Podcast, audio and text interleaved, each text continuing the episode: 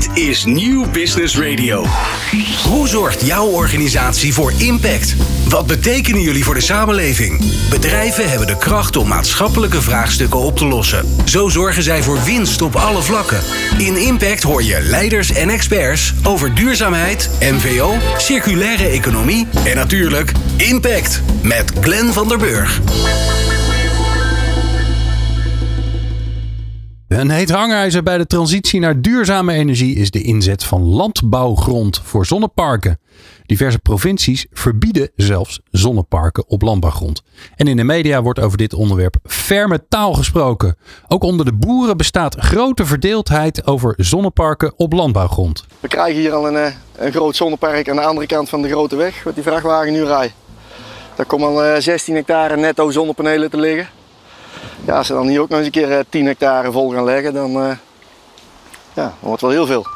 Voor pluimveehouder Dick uit het Gelderse Afferde is het duidelijk. We moeten stoppen met het bouwen van dit soort zonneparken op landbouwgrond. Er is volgens hem te weinig bekend over de effecten op lange termijn. Maar zijn buurman, ook boer, wil zijn land juist graag verkopen voor de bouw van zo'n park. Ik vind het eigenlijk hypocriet. Eh, er gaan mensen dood in de wereld die, die geen voedsel hebben. En hier leggen we op goede landbouwgrond die geschikt is voor voedselproductie. die gaan we vernietigen ja, voor, voor iets wat eigenlijk op een andere plek kan. Je hoorde pluimveehouder Dick van Westreen uit Afferde. Ik heb het even opgezocht, dat is in Limburg. En hij is uh, totaal niet positief over zonneparken op landbouwgrond. En dat vertelt hij overigens in het programma 1 Vandaag van 28 juli van dit jaar. En hij vindt het zelfs hypocriet als je ziet wat er uh, nodig is voor het voeden van de wereld. Uh, Jan Reinier de Jong, akkerbouwer in Odoorn. Dat is overigens in Drenthe. is goed voor je topografie ook deze aflevering. Die denkt daar heel anders over. Nou, sinds een aantal jaren zie je toch steeds meer eh, zonneparken op land. En uh, ja, als, als plantenteler denk ik wel eens van ja, moet dat nou? Uh, als ondernemer zie ik het toch anders. Er zijn volop kansen denk ik, ook om dingen te combineren. Maar het is uiteraard een, een mooi stukje aanvulling op je inkomen. Ja, boeren denken dus heel verschillend over het plaatsen van zonneparken op landbouwgrond. Maar in de studio is Sander van Beers. Hij is hoofdontwikkeling zonne-energie bij GroenLeven. Uh, Sander, ja, je hoort eigenlijk twee totaal verschillende verhalen hè, van die, deze twee agrariërs. Mhm, um, mm wat, uh, wat is de huidige status van zonneparken op landbouwgrond in Nederland? Ja. want uh, het is een hete hangijzer, maar waar hebben we het eigenlijk over? Mm -hmm. Ja, die verdeeldheid die net in de voorstukjes uh, te horen waren, die, die horen we vaker. En het is een heet hangijzer in Nederland, in de politiek, maar ook zeker in de media. Um, waar we het over hebben, is dat er momenteel uh, een, een, een, gedeelte van de landbouwgrond gebruikt wordt voor uh, zonne-energie. In totaal is in Nederland 66% van de landbouwgrond, of van de grond in gebruik voor, voor landbouw. Oké, okay, 66% van heel Nederland, mm -hmm. van dat kleine landje, ja. is landbouwgrond. Dat klopt. Ja. ja. Dus dat is of akkerbouw of het is weiland. Meer smaken hebben we volgens mij niet. Uh, fruitteelt kan fruitteelt, ook nog. ja, heel goed. Ja, zeker. aan de Betuwe te denken. Ja, en van die 66%, daar is momenteel 0,1% in gebruik voor zonneparken. Oké, dus we hebben 65,9% is nog steeds mm -hmm. gewoon landbouw. Klopt. En 0,1% is zonnepark. Ja. En de angst is natuurlijk dat dat heel veel meer wordt. Ja, die angst is er zeker. Maar uh, die kan ik je ook ontkrachten. Want als je kijkt naar wat er nodig is om de klimaatdoelen te halen, um, dan heb je maar 1% nodig van die 66% landbouwgrond om de klimaatdoelen te halen. Oké, dus je hebt een vertienvoudiging nodig, zeg ik even heel simpel. Mm -hmm. dan klinkt het alweer heel veel. Dat klinkt veel. Vertienvoudiging van de huidige zonneparken op landbouwgrond om uh, de, uh, de, de, klimaatdoelen te halen. Mm -hmm, maar dan nog zit je nog op 1% van alle landbouwgrond. Hoeveel hectare is dat dan? Of is dat een heel. Nee, dat kan ik zeker, zeker vertellen. Als je kijkt waar we nu zitten, op die 0,12% van het areaal, uh, zitten we op 2100 hectare aan zonneparken. En daar zou dan inderdaad nog een heel aantal bij komen om het klimaatdoelen te halen. Behalve we kijken natuurlijk meer dan alleen uh, landbouwgrond. Uh, GroenLeven is ook actief op water, uh, ja. carports en andere dubbelfuncties die we hebben. Ja. Dus we zijn niet de enige die, die alleen maar focussen op landbouwgrond. Ehm, maar het is wel een heel goed middel om stappen te maken en te verduurzamen. Ja, want dat is natuurlijk wat je nu hoort. Hè? Dat mensen zeggen, ja, hallo, we hebben nog zoveel daken. inderdaad, parkeerterreinen die we kunnen overdekken. Dat is ook lekker mm -hmm. cool als je daar in de zomer loopt. Waarom moet het nou weer op die landbouwgrond? Als jij op een feestje staat en dat krijg je te horen, Mhm. wat zeg je dan? Ja, dat krijg je, krijg je zeker te horen als je in deze sector zit. Ehm, en dat klopt ook. En GroenLeven is ook begonnen twaalf jaar geleden met zonnepanelen op daken. Op grootschalige agrarische daken hebben we verschillende samenwerkingen gehad met Friesland Campina, Agrifirm en, en Unive om die agrarische daken te, te, te benutten. Eh, daarna zijn we gaan kijken naar andere grootschalige daken. Eh, maar waar we zien dat in Nederland eh, is heel veel mogelijk op daken, maar er is ook heel veel niet mogelijk. Ruim, ruim 70% is niet geschikt. En dat kan komen door de constructie die niet, die niet eh, passend is. Eh, het kan komen door asbest. Het kan komen door installaties die onder die daken staan. Die veel meer eh, geld opleveren. Waardoor de in- investeerder en de verzekeraar van het pand zegt. Ja, leuk die bijdrage die zonne-energie levert. Maar dat risico gaan wij niet lopen als er iets fout gaat. Ja, ja. En daarom moet je ook kijken naar, naar andere zaken. Eh, en zo heeft GroenLeven, GroenLeven dat ook gedaan. Maar kun je dan jaren. zeggen dat de daken, stel je voor dat we die 30% die wel geschikt is, allemaal volleggen. Mhm. Hebben we dan genoeg? Kijk, dan eh, hebben we nog andere problemen die erbij komen kijken. Ehm, als je kijkt naar eh, de totale daken, ehm, dan zijn er mogelijkheden. Dat klopt. Maar dan zijn er nog andere complexiteiten die erbij komen kijken. Bijvoorbeeld aansluitingen, eh, eh, investeringen die partijen niet kunnen nemen. Ehm, en, en daarom is het ook goed om de markt vrij te laten. Is het, is het ook gewoon zo complex omdat als je, dat al die daken zijn van iemand, van iemanden, Mhm. heel, veel, heel veel partijen, Heel veel mensen, ja. dat dat het ook heel complex maakt? Want ik kan me voorstellen dat ja, zaken doen met één boer die zegt, nou hier heb je een paar hectare. Mhm. Ja, dat is makkelijker dealen, eh, makkelijker afspraken maken dan dat je, nou ja, laten we zeggen, in een wijk zit met, of in een, in een eh, laten we een bedrijvenpark nemen, is misschien wa- wat realistischer, met misschien wel honderd eh, eigenaren die je allemaal moet gaan eh, bespreken met honderd verschillende panden, Mhm. met verschillende daken, met verschillende constructies. Ja, dat wordt complexer, zou ik zeggen. Zeker. En ook voor de energienet is dat complexer om dat met allemaal losse aansluitingen en, eh, en zaken te regelen. En dat, dat, eh, met heel veel mensen heb je heel veel belangen. En eh, heel veel belangen kost heel veel tijd om stappen Ja. te maken. En dat is juist de tijd die we niet hebben in deze energietransitie. Nou, stel je voor, ik ben boer. Ik ben het, van het tweede soort boer. Hè? Dus ik Mhm. ben niet, eh, niet pluimveehouder Dick die, die het allemaal onzin vindt. Eh, maar eh, ik ben iemand zoals Jan Reinier. En denk, ja, dit is toch, eh, is toch interessant. Eh, Ja. Wat mag? Wat mag? Ja. Eh, nou, dat verschilt eh, eh, vandaag de dag per gemeente en per provincie. Oké. En ehm, los van wat er mag, kijken wij graag wat er passend is. En dat kan op verschillende manieren. En ehm, de meeste mensen, ook die deze podcast luisteren, die kennen zonneparken waarschijnlijk van dat ze snelweg rijden op een N-weg. En ze zien een veld met een hekken, hek. Ertussen allemaal zonnepanelen, lekker dicht bij elkaar, dicht bij de grond. Ehm, dat is wat in sommige gevallen nog wel mag, maar wat niet meer passend is binnen eh, de landschappelijke inpassing. En dat is ook niet meer hoe wij parken ontwikkelen en realiseren. Ehm, en op verschillende plekken in Nederland is het toegestaan om, eh, om zonne-energie op te wekken op agrarische gronden. De zogeheten zoekgebieden die in de gemeente of in de rest zitten. En Ja, de rest, de regionale energiestrategie. ja, ja, Ja. correct. Ja. En eh, ja, daar mag je zon eh, opwekken. En dat kan op verschillende manieren. Dat kan met bewegende panelen die met de, met de zon meegaan. Eh, het kan met panelen die gewoon op de grond staan. Maar wat wij vooral belangrijk vinden is om er, als we op agrarische gronden een zonnepark realiseren, alsnog een dubbelfunctie erbij te voegen. Ja, maar je kan dus niet zeggen voor heel Nederland, dit is wat er geregeld is. Want dat is per, de provincie heeft daar regels voor en de gemeente heeft er ook regels voor. Klopt. En nu is er ook sinds kort oh, zijn er ook nog zijn er ook richtlijnen en, en verstevigingen vanuit Den Haag gekomen. Wat het ook complexer maakt. Ehm, en, en niet heel Nederland is hetzelfde. En dat zie je in heel de ruimtelijke ordening. Je, je kan niet zeggen, dit is een uitgangspunt en zo moet, moeten alle gebouwen eruit gaan zien. Zo moeten eh, alle agrarische omgevingen eruit gaan zien. Want de landschappen zijn anders. En als je dit wel goed wil doen, moet je het goed inpassen. En daarbij ook andere oplossingen bieden. Nou, je had het er al eigenlijk al even over. Hè? De, er zijn ook eh, de, nieuwe regels, nieuwe richtlijnen vanuit Den Haag. Minister Hugo de Jonge die is eh, vorige maand, hè, dus dat is dan eh, als we deze aflevering maken, oktober geweest. Met een nieuwe regeling gekomen voor het bouwen van zonneparken op landbouwgrond. Nieuwe zonneparken mogen vanaf januari volgend jaar niet meer zomaar op landbouwgrond worden gebouwd. Eh, laten we even teruggaan naar eh, akkerbouwer Jan Reinier de Jong uit Ouddoorn. Dus Ja. even kijken wat hij ervan vindt. Bijzonder eigenlijk dat er nu eh, een verbod komt op eh, zonneparken op eh, landbouwgrond. We zitten eigenlijk midden in de energietransitie, die is nog lang niet klaar. En met dit verbod eh, ja, belemmeren je boeren eigenlijk in hun ondernemerschap. En dat is, dat is heel erg jammer. Is niet van deze tijd, vind ik. Ik snap dat, uh, dat zonneparken in het landschap uh, wel heel erg opvallen. Maar procentueel gezien uh, is het volgens mij 0,1% van het landbouwareaal wat in gebruik is voor, uh, voor zonneparken. Uh, daar stelt natuurlijk niks voor. Hier in de gemeente Borgerdoorn is de afgelopen 25 jaar 10% van het areaal landbouwgrond opgegaan aan de natuur. Ik vraag me af wie daar beter van geworden is. die boeren in ieder geval niet. met zonneparken kan de boer wel een, een patiënten verdienen. En ja, ik vraag me dan ook echt wel af van als ik kijk hoeveel landbouwgrond er op het moment wordt gebruikt voor bijvoorbeeld woningbouw, voor nieuwe natuur, voor wegen. Ja, dan vraag ik me af of het verbod wat er nu ligt, of dat echt een pro-landbouwbesluit is. Of dat het een besluit is met een achterliggende gedachte dat we die grond graag vrij willen houden voor plannen die we op termijn hebben. Ja.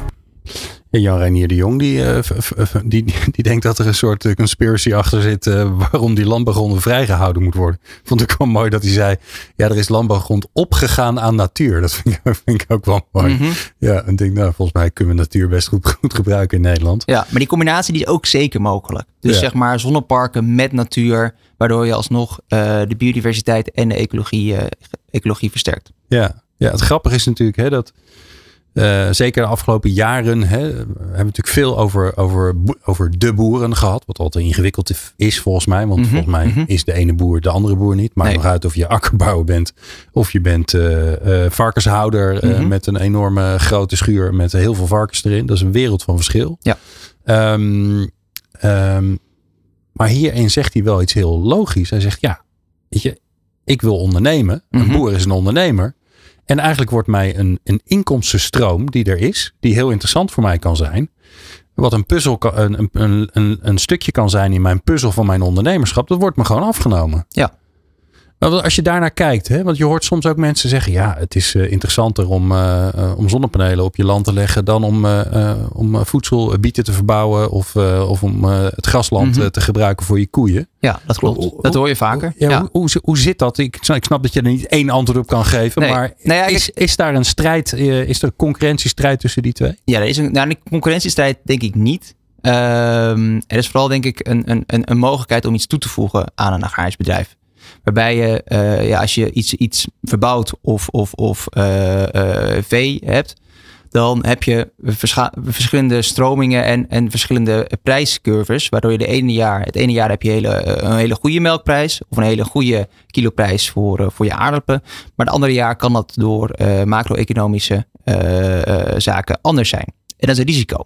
En als je ook nog duurzame energie uh, erbij ontwikkelt, dus je eigenlijk een, een, bedrijf hebt op meerdere flanken, dan kan je je risico's indekken. En daarbij uh, heb je een constante kaststroom om, uh, om je bedrijf verder uit ja. te bouwen. En dat zie je ook bij heel veel agrariërs waar wij langskomen. Dat zijn niet de, de boeren die, die stoppen. Die zijn er ook zeker. Die denken, ik heb geen opvolging en ik kan op deze manier mijn pensioen goed voorzien. Maar het zijn ook boeren die denken, als ik een deel van mijn bedrijf uh, uh, inzet voor, voor zonne-energie en die, die gronden voor uh, een x aantal jaar verhuur, dan kunnen ze die gelden gebruiken om ergens anders opnieuw te investeren. In, in, in nieuwe machines, in nieuwe gronden. verduurzaming van verduurzaming het van, bedrijf zelf, die, misschien exact, zelfs wel. Ja. Exact. En, en door die beperkende maatregelen stop je ook als ware de innovatie en de groei in de agrarische sector. Ja. En dat is, dat, is, dat is spijtig dat dat nu, nu gebeurt. En ja. uh, uh, je refereerde net naar, naar, de, naar de brief die in oktober is, is gepubliceerd. Ja, want wat, wat, houdt, die, wat houdt die in? Uh, zodat wij als de mensen die A, de brief niet hebben gelezen. want ja, wie doet dat nog tegenwoordig allemaal? Alles bijhouden. Maar ja. zeker voor onze luisteraars die denken, ja, waar moet ik nou mijn rekening mee gaan houden? Ja, nou, wat, wat in die brief staat, wat Hugo de Jonge, ehm, minister Hugo de Jonge, ehm, heeft voorgeschreven, is dat de, de, de zonne, zonneladder die we kennen dat die vergordelijk wordt. Dat die gewenst is. En de zonneladder kennen we al een aantal jaren. Die in meerdere uh, beleidstukken vanuit de, de provincie en ook uit de landelijke politiek uh, voorgeschreven is. Maar dat was meer een, een, een wensenlijstje. Hoe dat afgelopen, uh, ja, dus de, de, zou moeten De wenselijkheid ja. van de plaatsing van zonnepanelen op de verschillende mogelijkheden. Exact. Ja, waarbij zeg maar. Ongetwijfeld bij het dak. Het dak en de gevels inderdaad, meest voor liggende. En ook ja. uh, zo voor de hand liggend dat GroenLeven daar twaalf jaar geleden mee is gestart. Uh, en zoals we net al zeiden, dat, dat, dat is een hele goede plek. Dus de ruimte in Nederland is schaars. Dus laten we die ruimte ook goed gebruiken. Dus daar zijn we ook heel erg aan actief. Dat is trede 1. Trede 2 is uh, zeg maar, binnen het bebouwde gebied of bebouwde kom op de gronden of op de losse plekken. En dan, dan hoor, ik, uh, hoor ik je denken, Glenn, wat is dat dan? Nou, dat zijn bijvoorbeeld carports. Uh, dat zijn plekken in de bebouwde omgeving. We kijken hier naar, naar het Mediapark. Het is een heel groot parkeerterrein. Nou, Ja. Dat zou je goed kunnen overkappen in de bebouwde omgeving. Dat is trede 2. Ja, heeft niemand last van eigenlijk. Heeft niemand last Nee. van. Eh het trede 3 is eh, op gronden buiten de bebouwde omgeving. Wat niet natuur- en landbouwgronden zijn. Is een, een, een, een las- lastige categorie. Want dat zijn er niet heel veel. Maar dat zijn bijvoorbeeld industrieplassen. Ehm, of andere zaken in het buitengebied. En industrieplassen zijn ook weer uitermate geschikt om daar drijvende zonneparken te realiseren. Ja, dus dat zijn eh, zandafgravingen. dat Exact. Zand, Ja. eh, grindafgravingen, dat soort plekken waar je, waar je, waar je zonne-energie kan opwekken. En tweede vier is dan de, de landbouwgronden en de natuurgronden.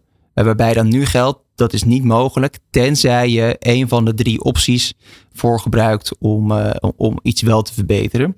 Waar dus de nee tenzij regel is, waarbij eh, A is eh, een agrarisch ondersteunende functie. Dus dat kan bijvoorbeeld met agri-PV zijn. Eh, B is ehm, ehm, dat het een transitiegebied is.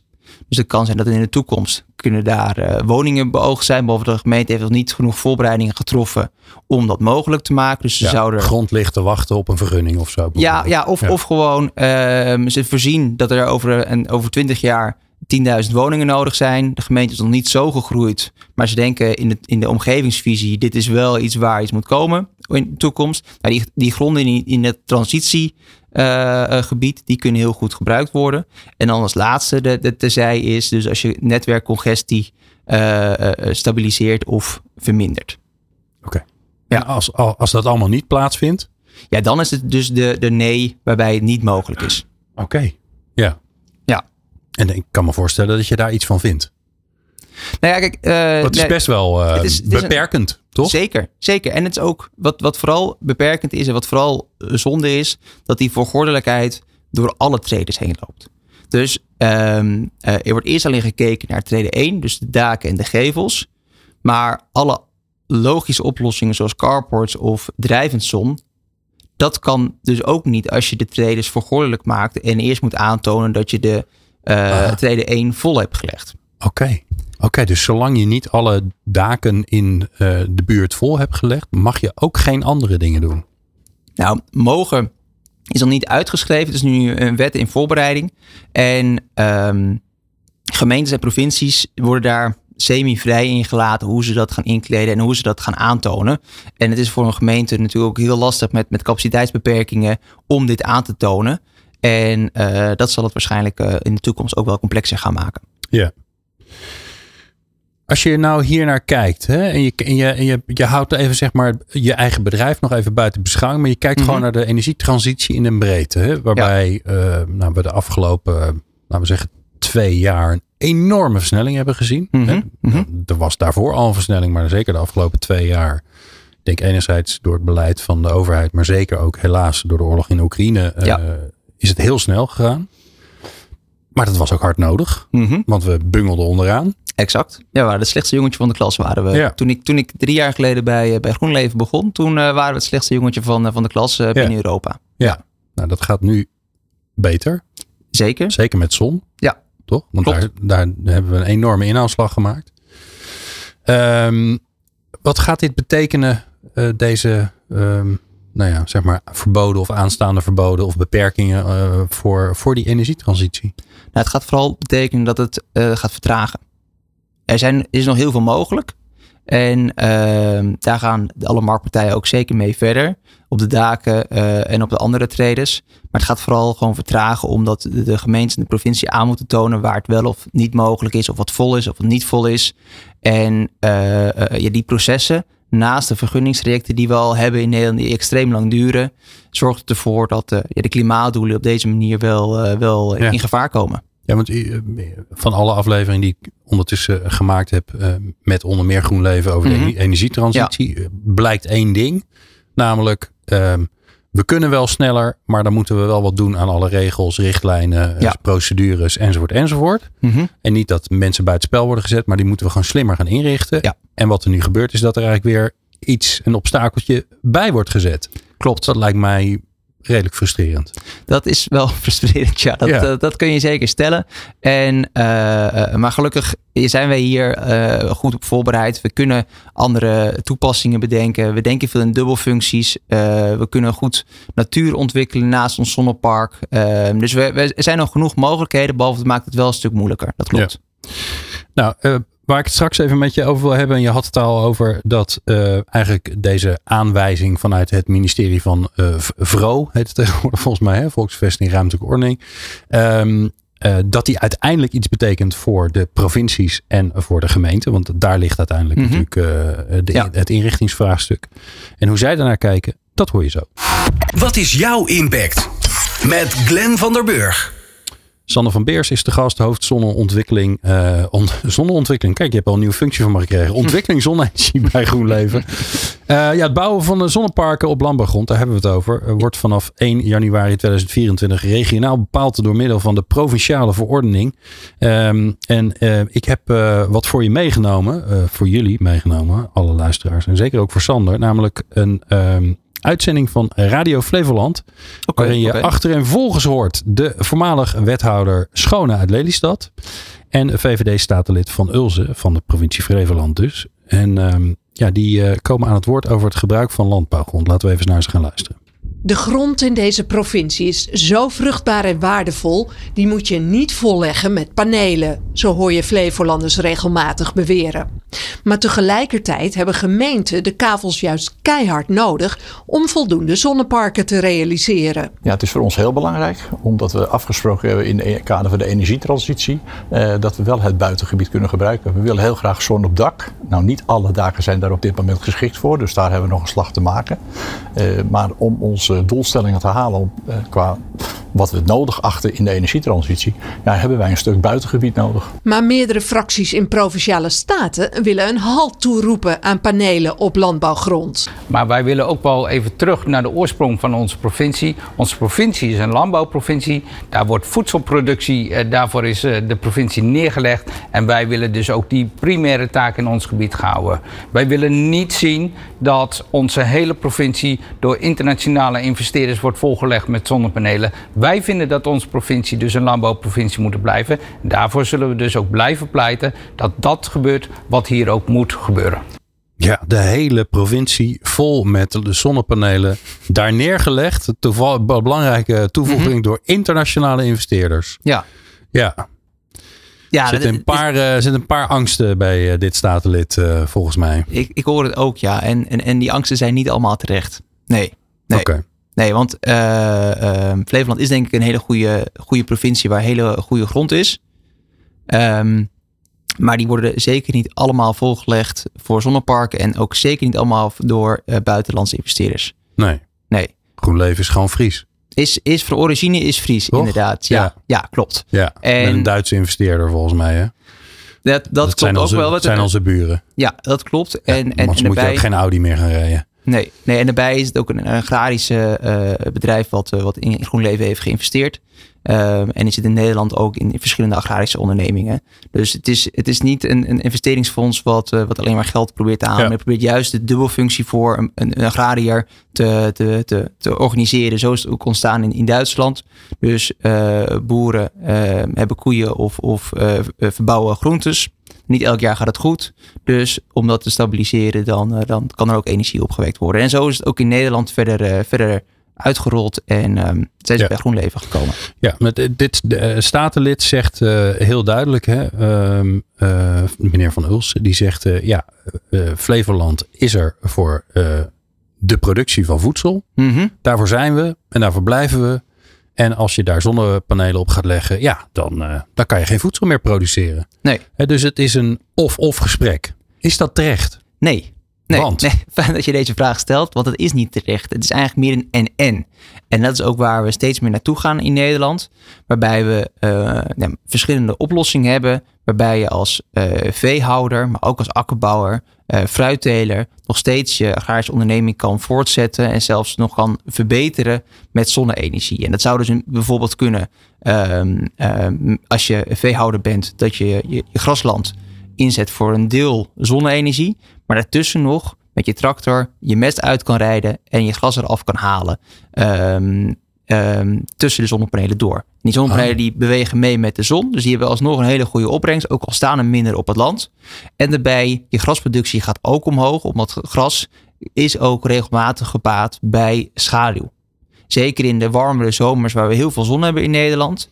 Zijn ze, groeit gras ook heel fijn bij wat schaduw van, van tijd tot tijd. Ja, wordt het bruin. Ja, Dan moet je gaan sproeien. precies. En dat willen we ook weer niet. Nee. Dat is niet goed voor de waterstand. Dus ik hoor, ik, hoor een, ik hoor een dubbele oplossing. Maar schets maar even hoe dat eruit ziet. Want we zijn natuurlijk gewend, een zonnepark, of gewend, zoveel zien we er niet. Maar Nee.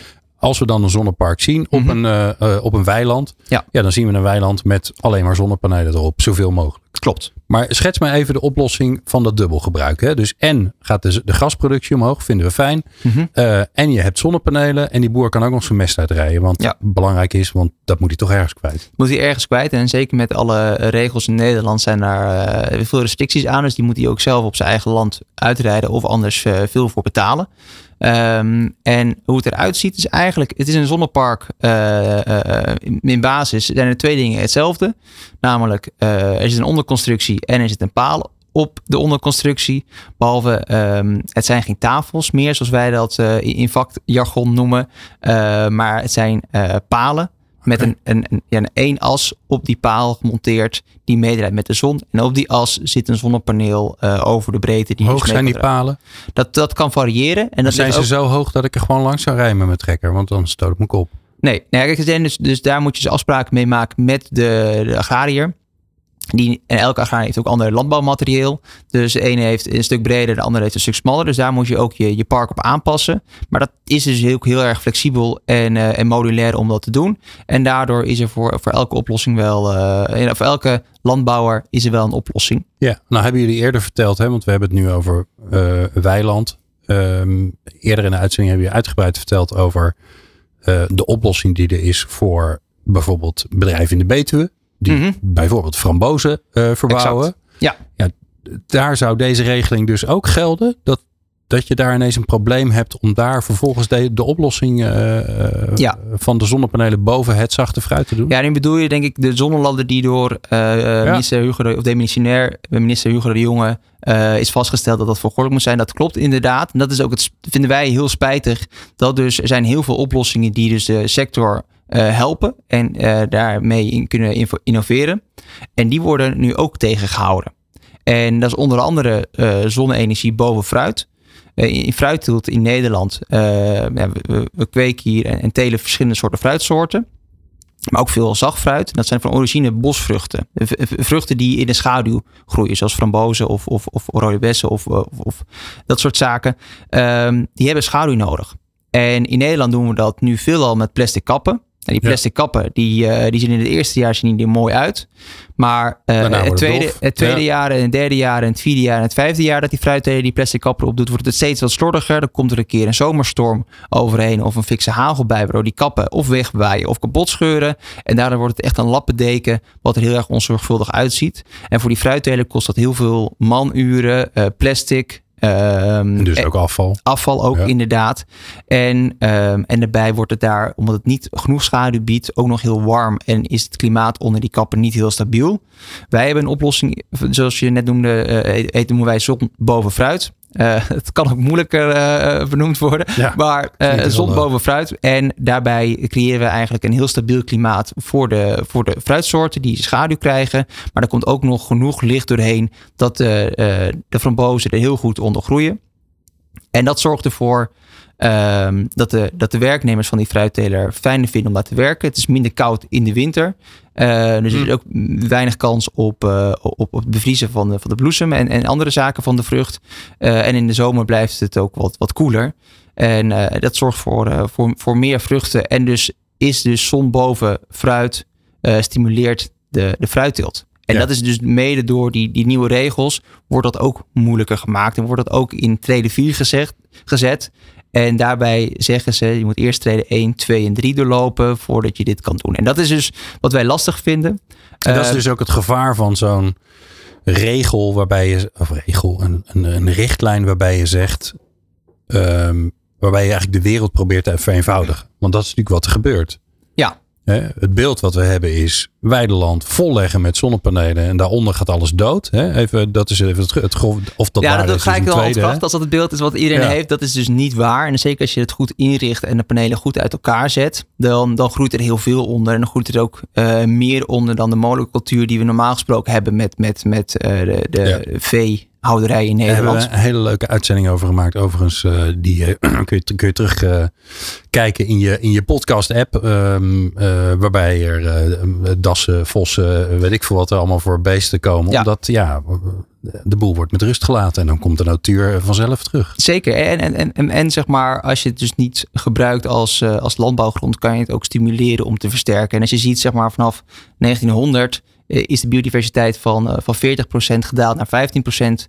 Eh, dat zijn gewoon geen goede cijfers. En als je een gebied realiseert waarbij je dus kruidenmengsels, bloemenmengsels eh, zaait en andere eh, zaden laat uitkomen die al 20 jaar in de grond zitten en die nu, omdat de grond met rust gelaten wordt, eindelijk uitkomen.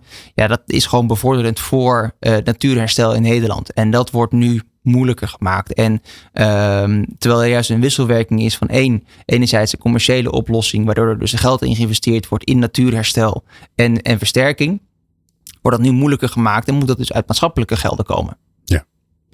Ja, en dat geldt eigenlijk ook natuurlijk voor die fruitteler. Hè, waarbij je zegt, ja, als je al die landbouwgronden over één, één kam scheert, dan, eh, Mhm. ja, dan krijg je dus dat er dingen in de verdrukking komen. Dat zou zonde zijn. Ja. Hoe, ehm, hoe kunnen we dat oplossen? Want ja, die, die, die brief eh, ligt er. Eh, nou, je hoorde de, eh, het, het, statenlid van, van Flevoland. Mhm. Gaat niet gebeuren. Ehm, je hoorde ook de, eh, de voormalig wethouder van, van Lelystad. Die zei, ja, we kunnen eigenlijk niet anders. Anders dan redden we gewoon de doelstellingen niet. Nee. Ja, klinkt weer als een soort politieke impasse. Mhm. Dus hoe, hoe kunnen we dat nou op een slimme manier oplossen? Omdat eigenlijk willen we allemaal wel ongeveer hetzelfde. Hè? Want Ja. jullie, GroenLeven, eh, projectontwikkelaar, jullie willen ook niet gewoon maar akkers en akkers en weilanden en weilanden volleggen met Ja. zonnepanelen en zoveel mogelijk. En eh, dan zien we wel waar het schip strandt. Ja, ik denk dat daar ook het onderscheid moet zijn. Zeg maar, eh, we willen niet recht toe, recht aan een zonnepark, hek eromheen, eh, wat lelijk is. Ik denk dat we wel in Nederland iets willen wat het, wat het beide heeft. Maar ik denk dat vooral uit deze brief en uit deze eh, voorschriften gehaald moet worden iets wat het stimuleert. En het is meer een teeltondersteunende voorziening, wat toevallig zonne-energie opwekt. En wat dat daardoor ook een heel interessant product maakt. Maar ehm, echt die teeltondersteunende voorziening, dus single access trackers, dus die panelen die meebewegen, waardoor er dus meer en beter gras groeit. eh, die landbouwer die eh, beter zijn grond kan gebruiken. Dat je los moeten zien van de traditionele zonnepark waarbij die nee- en zijregels zijn. En dat is iets wat nu lastig is en daar hopen we nog in de toekomst richting, eh, richting 1 januari eh verschil in kunnen, te, kunnen maken. Eh, maar we moeten vooral kijken naar ehm, wat zijn nou voorzieningen die de teelt en de landbouw in Nederland versterken. Nou, ehm, is er net, er zijn net verkiezingen geweest. Die kunnen we toch niet laten liggen. En Nee. ehm, ik denk dat dat voor jullie niet zo heel goed nieuws is. Want eh, de partijen die eh, gewonnen hebben, BBB enigszins. eh, nou ja, je zou kunnen zeggen ehm, dat ze er juist baat bij hebben. Want het is weer een nieuw, nieuw verdienmodel voor Mhm, de boeren. Maar ja. ik kan me voorstellen wat hun, wat hun standpunten zijn. Ja. Eh, dat geldt eh, ongetwijfeld voor de PVV, voor de NSC, voor de V- ja, VVD weet ik niet precies waar ze staan. Maar jij weet dat, jij, je hebt vast wel een beeld van, eh, goh, hoe ziet dat politieke landschap eruit? Mhm. Niet echt heel hoopgevend volgens mij. Nou kijk, er zijn twee dingen. Eh, eh, ik denk dat iedereen in Nederland eh, verbaasd is en, en verrast naar de, naar de uitslag van gisteravond. Voor de luisteraar die dit la- later luistert. gisteren is de uitslag en de verkiezingsdag geweest van de, van de Tweede Kamerverkiezingen. Ja, het is de day after the night before. Hè? Ja. En ehm, eh, ik denk dat iedereen verbaasd is. En we moeten kijken hoe dit zich gaat uitpakken. En wat voor gevolgen dit gaat hebben. Maar we hebben in Europa wel verschillende piketpaaltjes geslagen. eh, met een klimaatakkoord, met een prijsakkoord. Waar we naartoe gaan en waar we naar gaan verduurzamen. Nederland heeft dat ook geaccordeerd. En daar is daarmee goed op weg. En eh we moeten kijken wat, wat de toekomst zich gaat brengen. Ja. Maar ja, we hebben genoeg steun vanuit Europa. Of in ieder geval afspraken gemaakt die, die zaken mogelijk maken. Ja. Nou, die toekomst dat is nou precies waar ik het eh, straks als laatste met je over wil hebben. Dus dat hoor je zo. Alles wat jij doet heeft impact. Met Glenn van den Burg.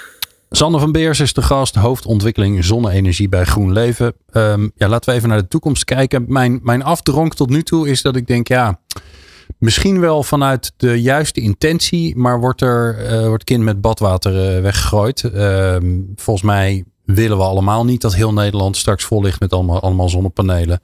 Willen we ook voorkomen uh, dat dat gaat gebeuren. Hè? Dat is natuurlijk ook een beetje het gevaar wat we bijvoorbeeld totaal iets anders maar hebben gezien met, uh, met de datacenters. Ja, die, die waren fantastisch en kom maar door. Nou, daar zitten we nu een beetje mee aan ons maag. Dus dat er enige rem op zit of dat er wat voorwaarden worden gesteld, vinden we volgens mij allemaal niet gek. Um, maar um, ja, gewoon maar de deur dicht doen, dat is ook weer zo wat. Dus laten we in de nuance gaan. Jij ja, hebt het voor het zeggen, Sander. Waar doen we het wel?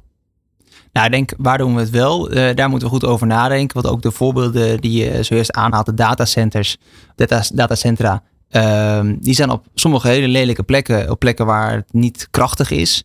En als je kijkt naar zonneparken, moet je ook niet overal willen realiseren. Ik denk dat er nog heel veel mogelijk is en heel veel moet in Nederland. Maar doe het dan op de plekken waar het één past, maar ook twee waar uh, de grond minder goed is. Oké. Okay. En uh, dat kan dus zijn op, op een bevelstort bijvoorbeeld. Uh, je hebt verschillende plekken in Nederland waar, waar uh, afval is gestort in de grond, waar een bergen zijn of waar, waar het vlak is. Maar in ieder geval de aankomende jaren niks kan gebeuren um, qua bebouwing. Um, of gewoon lager ag agrarische gronden. veengronden die, die nu erg, erg droog gehouden worden door waterpeil. Verlagingen. Uh, wat zorgt voor veenoxidatie. Dat zijn niet de meest productieve gronden. Maar jij zeggen wat veenoxidatie is, want dat weet ik niet. Ja, veengronden dat zijn zeg maar gronden waarvan oudsher veel wortelen en andere, maar eigenlijk een soort van compost ehm, is. En als dat nat blijft, dan is er eigenlijk niks aan de hand. Maar als dat verdroogt, dan komt er heel veel uitstoot vanaf. Het oxideert. daardoor zakt de bodem nog verder. Maar komt er dus ook heel veel stoffen in de lucht die ook schadelijk zijn voor. Waaronder CO2, waar waaronder, juist. Ja, CO2, hele, stikstof, fijnstoffen, ja. dat klopt inderdaad. En dat is, dat is heel fors. Um, en, en daarbij kost het ook heel veel om uh, het waterpeil overal goed te regelen. En als je dat dus combineert met plekken in het gebied waarbij je de zonneparken realiseert, waarbij het grondwater weer omhoog kan, dan kan je dus voor zorgen dat ergens anders in het gebied makkelijker het grondwaterpeil weer naar beneden kan. En dat zorgt voor een hele mooie wisselwerking. En dat kan ervoor zorgen dat je bijvoorbeeld als, als agrariër in een gebied zit waarbij je denkt, uh, ik heb geen opvolging. Maar mijn buurman wil wel graag verder. Maar die kan niet verder of door, door waterproblemen, door veenoxidatie of in de buurt van een Natura 2000 gebied. Als je die zaken combineert en ervoor zorgt dat die, die boer die wil stoppen, dat je daar dan een, een, uh, voor zorgt dat het grondwaterpeil weer omhoog kan en het water van de rest daar naartoe stroomt en, en, en, en, en zulke zaken. Dan is er heel veel mogelijk. En ik denk, toekomst schetsen, waar moeten we doen? Dat zijn op de plekken waar het vooral uh, uh, niet tot last is. En waar het goed ingepast kan worden, waar het uit het, uit het zicht gehaald is. Ja, maar dat was het tweede wat jij zei. Hè? Dus, dus en, uh, nou ja, die, die veengronden, volgens mij kennen we ze allemaal. Want het enige wat er daar echt groeit, volgens mij, is gras. Klopt, ja. Uh, want dat is het enige wat tegen die toch wat iets wat vochtige gronden kan. Mm -hmm. um, uh, maar ik hoor je ook zeggen, doe dat dan ook op plekken waar, waar we er geen last van hebben. Dus uh, waar ze ingepast kunnen worden, klinkt altijd Klopt. zo mooi in het landschap. Ja. Geef daar eens een voorbeeld van. Want ik kan me voorstellen dat, ja, het, het gevoel wat we hebben in Nederland is, het is een heel klein landje. Mm -hmm. We hebben geen plek. Nee. En uh, overal waar je kijkt zie je wel iets. Ja. Maar jij zegt dus, nou, dat kan prima. Ik kan er prima voor zorgen dat uh, mensen die uit hun huis naar buiten kijken, daar eigenlijk helemaal geen last van hebben. Nee, dat, dat kan zeker. Uh, dat kan op verschillende manieren. Uh, in eerste instantie denk ik sowieso goed om de stroom op te wekken waar ook waar dichtbij het wordt, wordt gebruikt. En dan zit je toch wel aan randen van, van industriegebieden en dat soort zaken. maar daarnaast kan je een zonnepark heel goed inpassen met grondwallen, met, met struiken, met, met, met, met struweelhagen. Um, en voornamelijk dus natuurlijk wel ehm, bomensoorten die in de omgeving voorkomen. Dus dat je het echt inpast in het landschap in plaats van dat je het aanpast. Ja, misschien en, zelfs wel mooier maakt. Uh, misschien zelfs mooier maakt, waardoor je zeg maar uh, uh, ja, het landschap wat, wat groener maakt. Ja, dat klopt. Ja. Ja, Ja, want die groene weilanden die zien er natuurlijk hartstikke leuk uit. Want dat zijn we ook gewend. Een paar, paar koeien erin, dat ziet er al. Hè, Klopt. Weer een briefkaartje. Ja, ja, en dat is ook wel het lastige in het, in het Nederlandse landschap. Dat is nu erg open. En uh, dat zijn veel grote open vlaktes. Maar 30, 40 jaar geleden was dat het niet. Toen uh, waren het nog veel kleine percelen, waren boeren die kleine percelen verbouwden en gebruikten. Maar door ruilverkaveling en andere zaken zijn die, die, die bomenrijen, die hagen, zijn weggehaald. En daardoor zijn het open vlaktes geworden. En uh, door die verschuiving is er ook heel veel biodiversiteit weggehaald. Want in al die hagen die tussen die percelen lagen en tussen die landbouwgronden, daar zaten juist veel vogels, zaten veel insecten. En die zijn nu weg. En die zouden we juist nu met uh, duurzame energie, met zonne-energie, zou je die weer kunnen toevoegen. Um, waarbij je meerdere dingen bij elkaar kan koppelen. En dat ja. is denk ik een hele mooie kans voor, voor Nederland. En natuurlijk uh, uh, willen, we dat, willen we dat goed doen. En natuurlijk op plekken waar mensen het niet willen, dan, dan moet je het ook niet willen. Dus je moet goed met de omgeving in gesprek gaan. Je moet de omgeving laten participeren. Dat kan uh, tijdens het proces, maar dat kan ook financieel. En ehm, zo kan je een project realiseren waar je dat samen kan doen. En dat is ook wat er in de brief staat van Hugo de Jonge. Uh, de, de, projecten die al verder in een participatieproces zijn, die blijven uit die, uit die regeling van die net en zij. Ja. Dus mocht er al een vergunning zijn of mocht er al ver in een, in een tender, dan zijn die gronden uitgesloten. Oké. Okay. Kortom, conclu concluderend, um, het wordt lastiger, het wordt uh, scherper en eigenlijk is de oproep uh, die ik jou hoor zeggen is, laten we nou genuanceerd hier naar kijken. Uh, laten we nou alsjeblieft gebruik maken van de slimme oplossingen die er zijn. Um, en dit is toch een beetje een reactie op uh, iets wat uh, mensen niet willen. Namelijk dat heel Nederland straks zwart wordt van de zonnepanelen. Maar ze willen het ook nog groen houden. En jij zegt, tenminste ik heb ondertussen van jou gehoord van ja, dat A, gaat niet gebeuren. 1% van de, van de 66 moet eraf. Dus dat valt best wel mee. Mm. Maar ik hoor je ook zeggen, er zijn allerlei slimme oplossingen uh, waarbij je juist kunt combineren. En dat is waar we nou eigenlijk naar moeten Precies. kijken. En dat moeten we stimuleren in plaats van dat nu, nu reguleren dat het moeilijker wordt. We moeten juist kijken waar kunnen we iets toevoegen. Dus in, in de landbouwsector met agri-PV, dus met, met bewegende panelen waar nog uh, een tractor tussendoor kan rijden. Of panelen bij, uh, bij zon boven fruit. Dat zijn oplossingen die iets toevoegen. En dat zouden we moeten stimuleren. En dat wordt nu in, in de huidige regelgeving wordt dat moeilijker gemaakt. En dus daardoor gaat de innovatie ook minder snel. En dat is wel uh, een probleem. Maar uh, ja, wij investeren daar uh, genoeg geld en middelen in om dat wel verder uit te werken. En ja, um, hopelijk gaan we dat snel verder in, in gebruik nemen. Nou, ongetwijfeld. Ik dank jou zeer, Sander van ja, Beers. Heb je gehoord. hoofdontwikkeling zonne-energie bij GroenLeven. En jij natuurlijk dankjewel voor het luisteren. Meer afleveringen van Impact vind je op impact.radio. Of via podcastkanalen als Spotify, Duke of Apple Podcast.